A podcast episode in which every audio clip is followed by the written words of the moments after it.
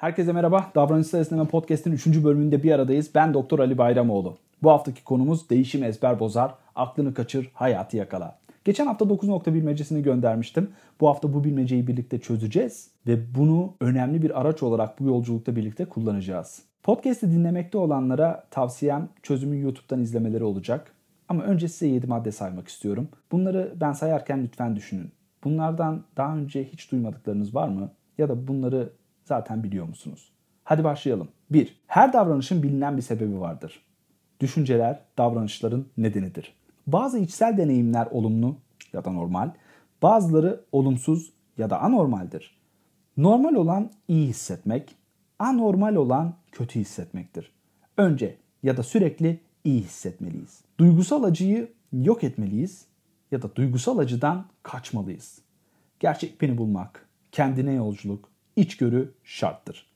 Bunlar nasıl geliyor kulağınıza? Bu saydıklarım mantıklı mı? Bunların arasında ilk kez duyduklarınız, ufkunuzu patlatan, 2-3 katına çıkaran maddeler var mı? Ya da bunları zaten biliyor muyuz? Bu maddelere geri döneceğim. Hadi önce bilmecemizi çözelim. 9 nokta bilmecesi adından da anlaşılabileceği gibi 9 noktadan oluşuyor ve kuralları oldukça basit. 1. Elinize bir kalem alın. Elinizi hiç kaldırmadan 4 tane düz çizgi çizin. 2. Bu çizgileri 9 noktanın hepsinin içinden geçirin. Şimdi bilmecenin kuralları çok basit. Ve burada bence önemli olan bu bilmecenin nasıl çözüldüğü değil. Cevap değil beni etkileyen şey. Burada beni en çok etkileyen şey bu bilmeceyi çok benzer bir şekilde nasıl çözemediğimiz. Çocuklar bu bilmeceyi çözebiliyorlar ama yetişkinler olarak biz neden çözemez hale geliyoruz? Bu bilmecedeki sıkıntı şu. Genelde aynı şekilde çözemiyoruz dedim ya. Ya çizdiğimiz çizgiler yetmiyor, dörtte kalıyor ya da 9 noktanın üstünden geçiyoruz ama 5 çizgi çizmiş oluyoruz. Ve burada yapılacak şeylerden bir tanesi bu sorunun çözümü yok deyip bu soruyu bırakmak. Ama öyle değil. Çözümü var ve çözümü gösterdiğimiz zaman insanlardan gelen ilk tepki şu oluyor. Hocam karenin dışına çıktınız ama. Karenin mi? Hangi karenin? Ben kareden bahsettim mi? Kurallarda kare geçti mi? Hayır. Ama tuhaf bir şekilde karenin dışına çıkmadan çözmeye çalışıyoruz. Ve soruyu çözemememizin sebebi o kare. Bu kare nereden çıkıyor? Tuhaf bir şekilde hep birlikte bu kareyi türetiyoruz ve içine sıkışıp kalıyoruz. Ve bu bilmeceyle diyelim birkaç sene sonra, birkaç ay sonra karşılaştığında insanlar şunu diyebiliyor. Ben bunu biliyorum, bunun çözümünü biliyorum. Ben de şey, e, dur yani hatırlamıyorum da bunun çok garip bir çözümü vardı diyorlar. Daha trajikomik olan şey şu, çözümü hatırlıyorlar, o oku hatırlıyorlar fakat onu alıp karenin içine sokuyorlar. Bu sefer iki nokta boşta kalıyor. Ne kadar hızlı unutuyoruz çözümü diye düşünebilirsiniz. Hayır hayır bu bir eğitim. Unutmayın bunu sıklıkla söyleyeceğim. Eğitim kendini içeriden koruyacak. Hem de bizim kendi sesimizle koruyacak. Eğitim kendini koruyacak ve hep baskın gelmeye çalışacak. Karenin dışında düşünebilmek yeni bir eğitim ve çokça emek gerektirecek. Peki bu karenin içinde nasıl kalıyoruz? Dil. Dil az bilgiden çok şey üretmekle alakalı bir şey. Ve sözel organizmanın, insanın gücü. Gorili, fili, kobra yılanını, aslanı, kartalı düşünün. Hayvanları düşünün. Bir de yanına insanı koyun. Benim ne pençem var, ne zırhım var, ne zehrim var, ne uçarım, ne kaçarım, ne koşarım. Peki nasıl oluyor da diğer hayvanlar gibi ben sadece bir gezegende yaşamıyorum, bir dünya kuruyorum onun üzerine. Bunu dille yapıyorum. Bunun detaylarına birlikte gireceğiz. Ve dil pek çok zaman, neredeyse her zaman işime yarıyor. Ancak bazı zamanlar var ki işime yaramıyor ve işte o zaman görünmez bir karenin, görünmez kuralların içine hapsolup kalıyorum. Mark Twain'e atfedilen bir söz var. Ona ait değilmiş ama çok güzel bir söz. Şöyle. Hayatta başımıza bela açan şeyler bilmediğimiz şeyler değil. Hayatta başımıza bela açan şeyler bildiğimiz, emin olduğumuz ama doğru olmayan şeyler. Bizim hayatta başımıza bela açan şey davranışsal esnemeyi bilmiyor olmamız değil. Varsın bilmeyin. Hayatta başımıza bela açan şeyler doğru olduğunu bildiğimiz, emin olduğumuz ama doğru olmayan şeyler. Hadi söylemişken geri dönelim şu 7 maddeye ve onu 3'e düşürelim ki aklımızda kalsın. Neydi bunlar? Düşünceler davranışların nedenidir. Düşünce ve duygular kontrol edilebilir. İnsanın iç dünyası parçalardan oluşur. Duygu, düşünce, davranış. Yani bir metafor olarak insanın gönlünü makineye benzetebiliriz diyorlar. Tamam öyle olsun. Zaten ona inanıyor çoğu insan. Bozuk parçamızı arayıp duruyoruz. O bozuk parçayı bulsak sanki makine gibi çalışacağız. Bu saydığım maddeler akla uygun geliyor mu? Valla geçen 16 seneden sonra hala bir şekilde bana akla uygun geliyor. Ama bunu sorgulamamız lazım. Biyolojide merkez dogma diye bir şey var. Merkez dogma ne olduğu önemli değil. Dogmayı burada bilelim. Doğruluğu sınanmadan benimsenen bir öğretinin veya ideolojinin temeli yapılan sav, yargı, hüküm. Bilimsel kabuller yani.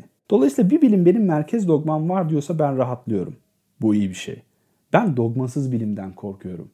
Çünkü karşımdaki kişiler bilimsel kabulle bilimsel verileri, bilgileri birbirine karıştırıyor olabilir. Bu çok tehlikeli bir şey. Ve psikoloji biliminde bir merkez dogma ile ben karşılaşmadım. Aradan geçen 20 senede bulmaya çalıştığım temeller, olabilecek kabuller bunlar diye düşünüyorum bu üç madde. Ve bunlara şöyle bir isim verebiliriz. Bunlar iyi hissetme toplumunun merkez dogması. Bu tespit önemli. Bu tespit neden çok önemli?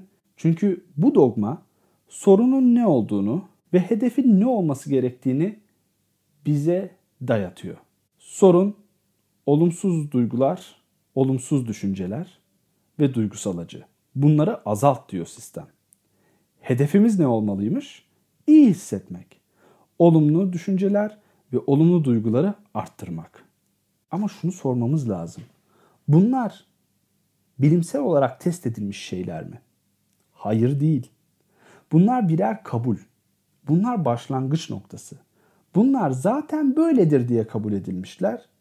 Ama ya öyle değillerse bunu birinin sorması lazım. Bu Cenga'daki en alttaki taşı çekmeye benziyor. Her şey yerli bir olabilir ama yapacağız bunu. Çünkü eğer bu kabuller hatalıysa bu çok kötü bir şey. Çünkü ben bunlara göre bir bilimi inşa ediyorum. Ben bunlara göre yardım arıyorum. Ve bunlar eğer hatalıysa ben işe yaramaz bir karenin içine sıkışmış olabilirim. Bunlara merkez dogma diyorum. Neden? Çünkü bir şekilde bunların hepsini biliyoruz. Bunlar bize öğretilmişler. Bu görünmez ama her yerde olan bir eğitimin yan etkisi. Bu bir propagandanın bize türettikleri. Ve bunları bilmek için psikoloji okumaya gerek var mı sizce? Ya da daha tuhaf bir şey sorayım. Bunları bilmek için okumaya gerek var mı? Yok. Bunlar bir kare. Mantık, dil, akıl, işletim sistemi. Peki akıl ne demek? Bu yolculukta pek çok kelimenin etimolojisine, kökenine birlikte bakacağız. Gelin akılla başlayalım. Ki gönüle geçen hafta baş, bakmıştık. Gönül derimizin içinde kalan gözle göremediğimiz dünya. Ve gönüldeki deneyimler dile dökülürken gözlediğimiz ortak dünyadaki doğa olaylarına, eylemlere ya da nesnelere benzetiyoruz. Yani gönül metaforlardan oluşuyor. Mesela diyoruz ki içimde fırtınalar kopuyor. Sen anla artık adamın içi nasıl. Fakat burada kullandığımız metaforların çoğu donuk metaforlar. Yani metafor olduğunun farkında değiliz onların. Mutlu, huzur, kaygı, sakin. Bunların hepsi metafor. Düşünün sakin diyoruz. Apartman sakinlerinin hepsi sakin mi? Demek ki sakinin temel anlamı o değil. Bunların hepsine tek tek gireceğiz. Depresyonu düşünün. Latince de primere yani bir güç tarafından aşağıya doğru bastırılmak. Öyle hissediyorum diyor. Benzetiyor işte. Benzetmeler çok önemlidir. Peki akıl nedir? Eğer bu gönülle alakalı bir şeyse unutmayın. Kesin bir metafor olması lazım. Gözümüzle görebileceğimiz bir şey ya da bir eylem olmalı. Akıl nedir? Akıl Arapçadan gelen bir kelime. Aklun. Ve bu bir metafor. Akıl kelimesi ne demek biliyor musunuz? Akıl devenin dizine bağlanan ip demek. Harika bir metafor. Düşünün. Şimdi çölde Arap kardeşlerimiz deveyi bağlayacak bir ağaç bulamıyorlar her zaman için. Devenin bacaklarından, ön bacaklarından birini alıp kıvırıyorlar. Daha sonra o bacaktaki dizi bir iple bağlıyorlar. Ve deve üç ayağının üstünde kalıp hareket edemez hale geliyor. Deve bir karenin içinde hapsoluyor. Bu akıl. Harika bir metafor bulmuşlar. Ve burada ip deveye değil sahibine hizmet ediyor. Dolayısıyla sorgulanmamış bir akıl emin olun bize hizmet etmeyecek. O aklı bize kim taktıysa ona hizmet edecek. Şu an içinde bu iyi hissetme toplumu gibi görünüyor. Hep birlikte sistemli bir şekilde aklı sorgulamalıyız. Eğer böyle bir paradigma değişimini hedefliyorsak, başka bir dünya mümkün diyorsak, ihtiyacımız olan şey bir tedavi değil, bir eğitim. Bir psikoterapi değil, sistemli, felsefi bir sorgulama olmalı. Ve davranışsal esneme hacker ahlakıyla çalışan bir şey olmalı. Çünkü burada aklı, mantığı, bir işletim sistemini sorguluyoruz. James Ay şöyle bir şey vurguluyor. Diyor ki program belli bir işi yapmak için tasarlanmış sonlu komutlar dizisidir. Ve program çalışmaz. Dile böyle oturmuş ama çalışan program değil diyor. Onun dediklerini yapan her kimse odur çalışan diyor. Bu noktada baktığımızda bu saydığım maddeler bir program ve bunu biz takip ediyoruz, biz çalışıyoruz. Programın çok güzel bir Türkçe karşılığı var. İzlence. Belli şartlara ve düzene göre öngörülen işlemler bütünü. Peki ya bu öngörülen işlemler bütünü yanlışsa, hatalıysa daha doğrusu? O zaman hacker ahlakıyla düşüneceğiz. Gerçeği konuşarak ya da susarak gizlemeyeceğiz.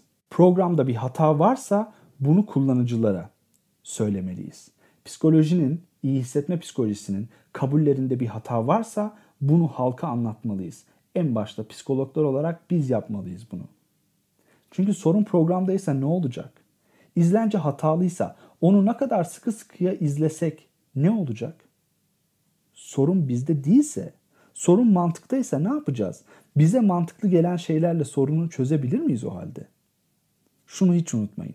Değişim ilk bakışta oldukça mantıksız, saçma, çocukça ve hadi canım dedirterek gelecek. Tıpkı bu bilmecede karenin dışına çıkışımız gibi. Ya sorun bizde değilse, ya sorun iyi hissetme psikolojisinin temel kabullerindeyse, ya sorun balıklarda değil de sudaysa. Haftaya buradan devam edeceğiz işte. Ve ısınmak için her gün 5 dakika ayna gönüllü uygulamalarına başlayabilirsiniz. Haftaya sorun balıklarda değil, sorun suda. Bunu konuşacağız. Yeni videolardan anında haberdar olmak için YouTube kanalıma abone olabilir, bildirimleri açabilirsiniz. Herkese dolu dolu bir hafta diliyorum. Önümüzdeki hafta tekrar görüşmek üzere. Başka bir dünya mümkün. Sevgiler, selamlar.